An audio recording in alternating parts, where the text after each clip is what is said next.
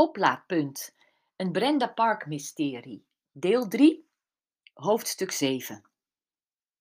De volgende dag ontmoeten Ankie, Ellen, Lorraine, Mireille en Pauline hun demonen. Brenda leidde de vrouwen in een lange ochtendsessie op een mooi plekje met uitzicht op de rode rotsen en het blauwe water naar hun diepste wens en naar hun diepste pijn. Het verdriet zorgde voor veel tranen, maar uiteindelijk tot opluchting, heldere inzichten. Om twaalf uur klapte Brenda haar map dicht en deelde aan allemaal een leeg stuk papier uit.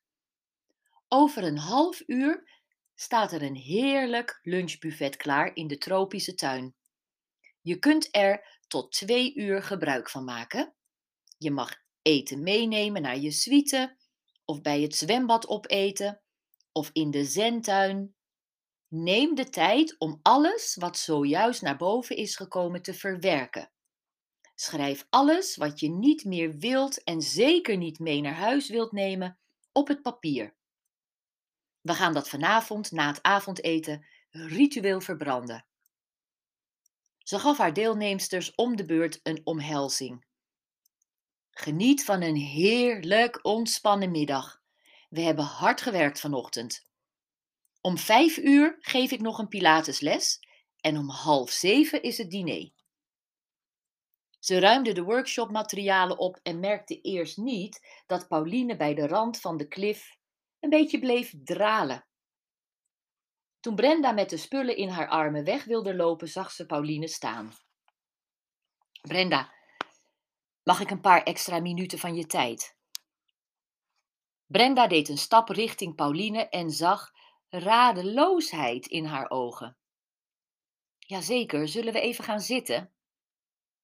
Brenda knikte naar een houten bankje dat vlakbij stond en legde haar tas neer. Graag.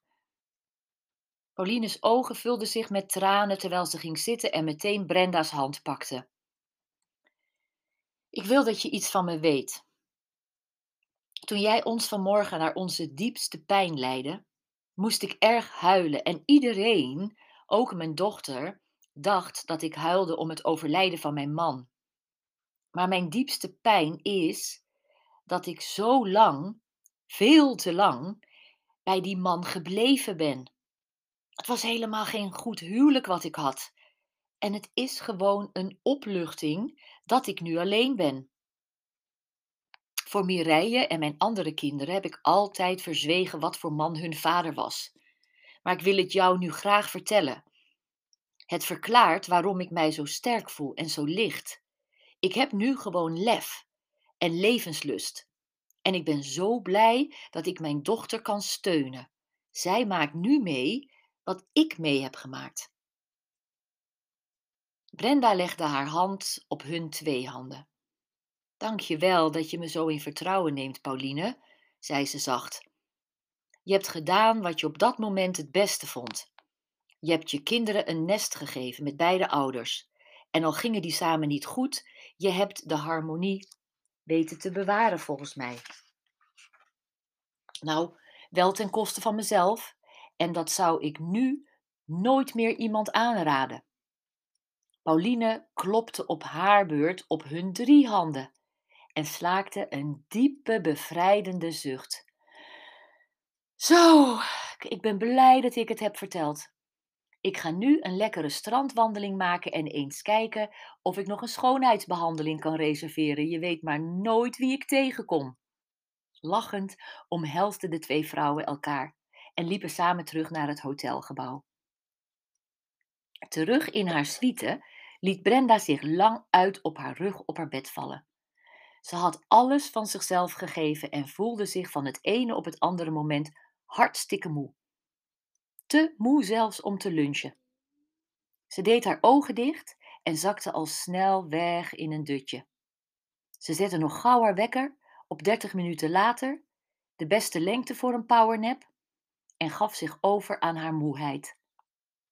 Een half uurtje later werd ze gewekt door de zachte bamboeklanken van haar telefoon en voelde ze zich weer uitgerust, ontspannen en voor het eerst tijdens dit retreat ook voldaan. De ochtendsessie was heel goed gegaan En behalve dat de dames de oefening vooral voor zichzelf deden, had Brenda het idee dat ze ook dichter bij elkaar waren gekomen. Ze had zin in een van de tropische fruitcocktails die in de zwembadbar vers gemaakt werden en verkleedde zich in haar bikini die aan het waslijntje boven haar lichtbad hing. Ze zette haar grote strooien hoed op en propte een flesje zonlotion, haar leesbril en het modetijdschrift dat naast haar bed lag in de zakken van haar hotelbadjas. Met een grote fruitbeker in haar hand slenterde ze naar de zentuin. Ze was de enige die een plekje in de zon koos. Ankie lag een eindje verderop onder een palmboom op haar buik op haar lichtstoel, één been naar opzij getrokken, haar vlassige donkerblonde haar over haar gezicht. Verderop schommelden Mireille en Ellen samen in een grote hangmat. Ze hadden elk een lang cocktailglas in hun handen en hun gezichten waren dicht naar elkaar toegekeerd, alsof ze zachtjes praten. Lorraine dreef lang uit in de jacuzzi, haar nek op de rand. Haar gezicht was, ondanks haar donkere huidskleur, een beetje rood. Waarschijnlijk lag ze al een tijdje in het hete water. Pauline zag ze niet. Brenda installeerde zich op een loungebed en dacht, terwijl ze met gesloten ogen van haar drankje genoot, aan Robert. Over een paar dagen zouden ze hier samen liggen. Zouden ze bij zonsondergang samen dineren en daarna samen het bed delen.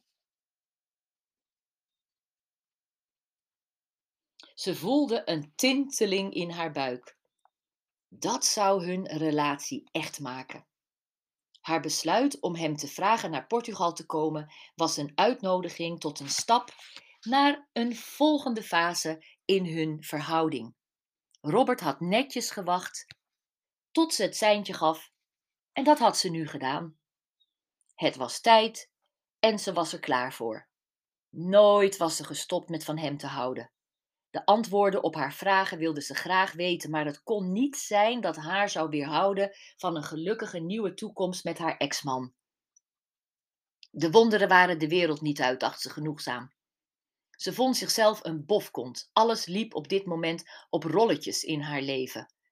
En de kers op de taart was deze week hier in de Algarve de lente net begonnen met een groep leuke vrouwen en badend in de zon met de warmte op haar huid en een verliefd gevoel in haar hart.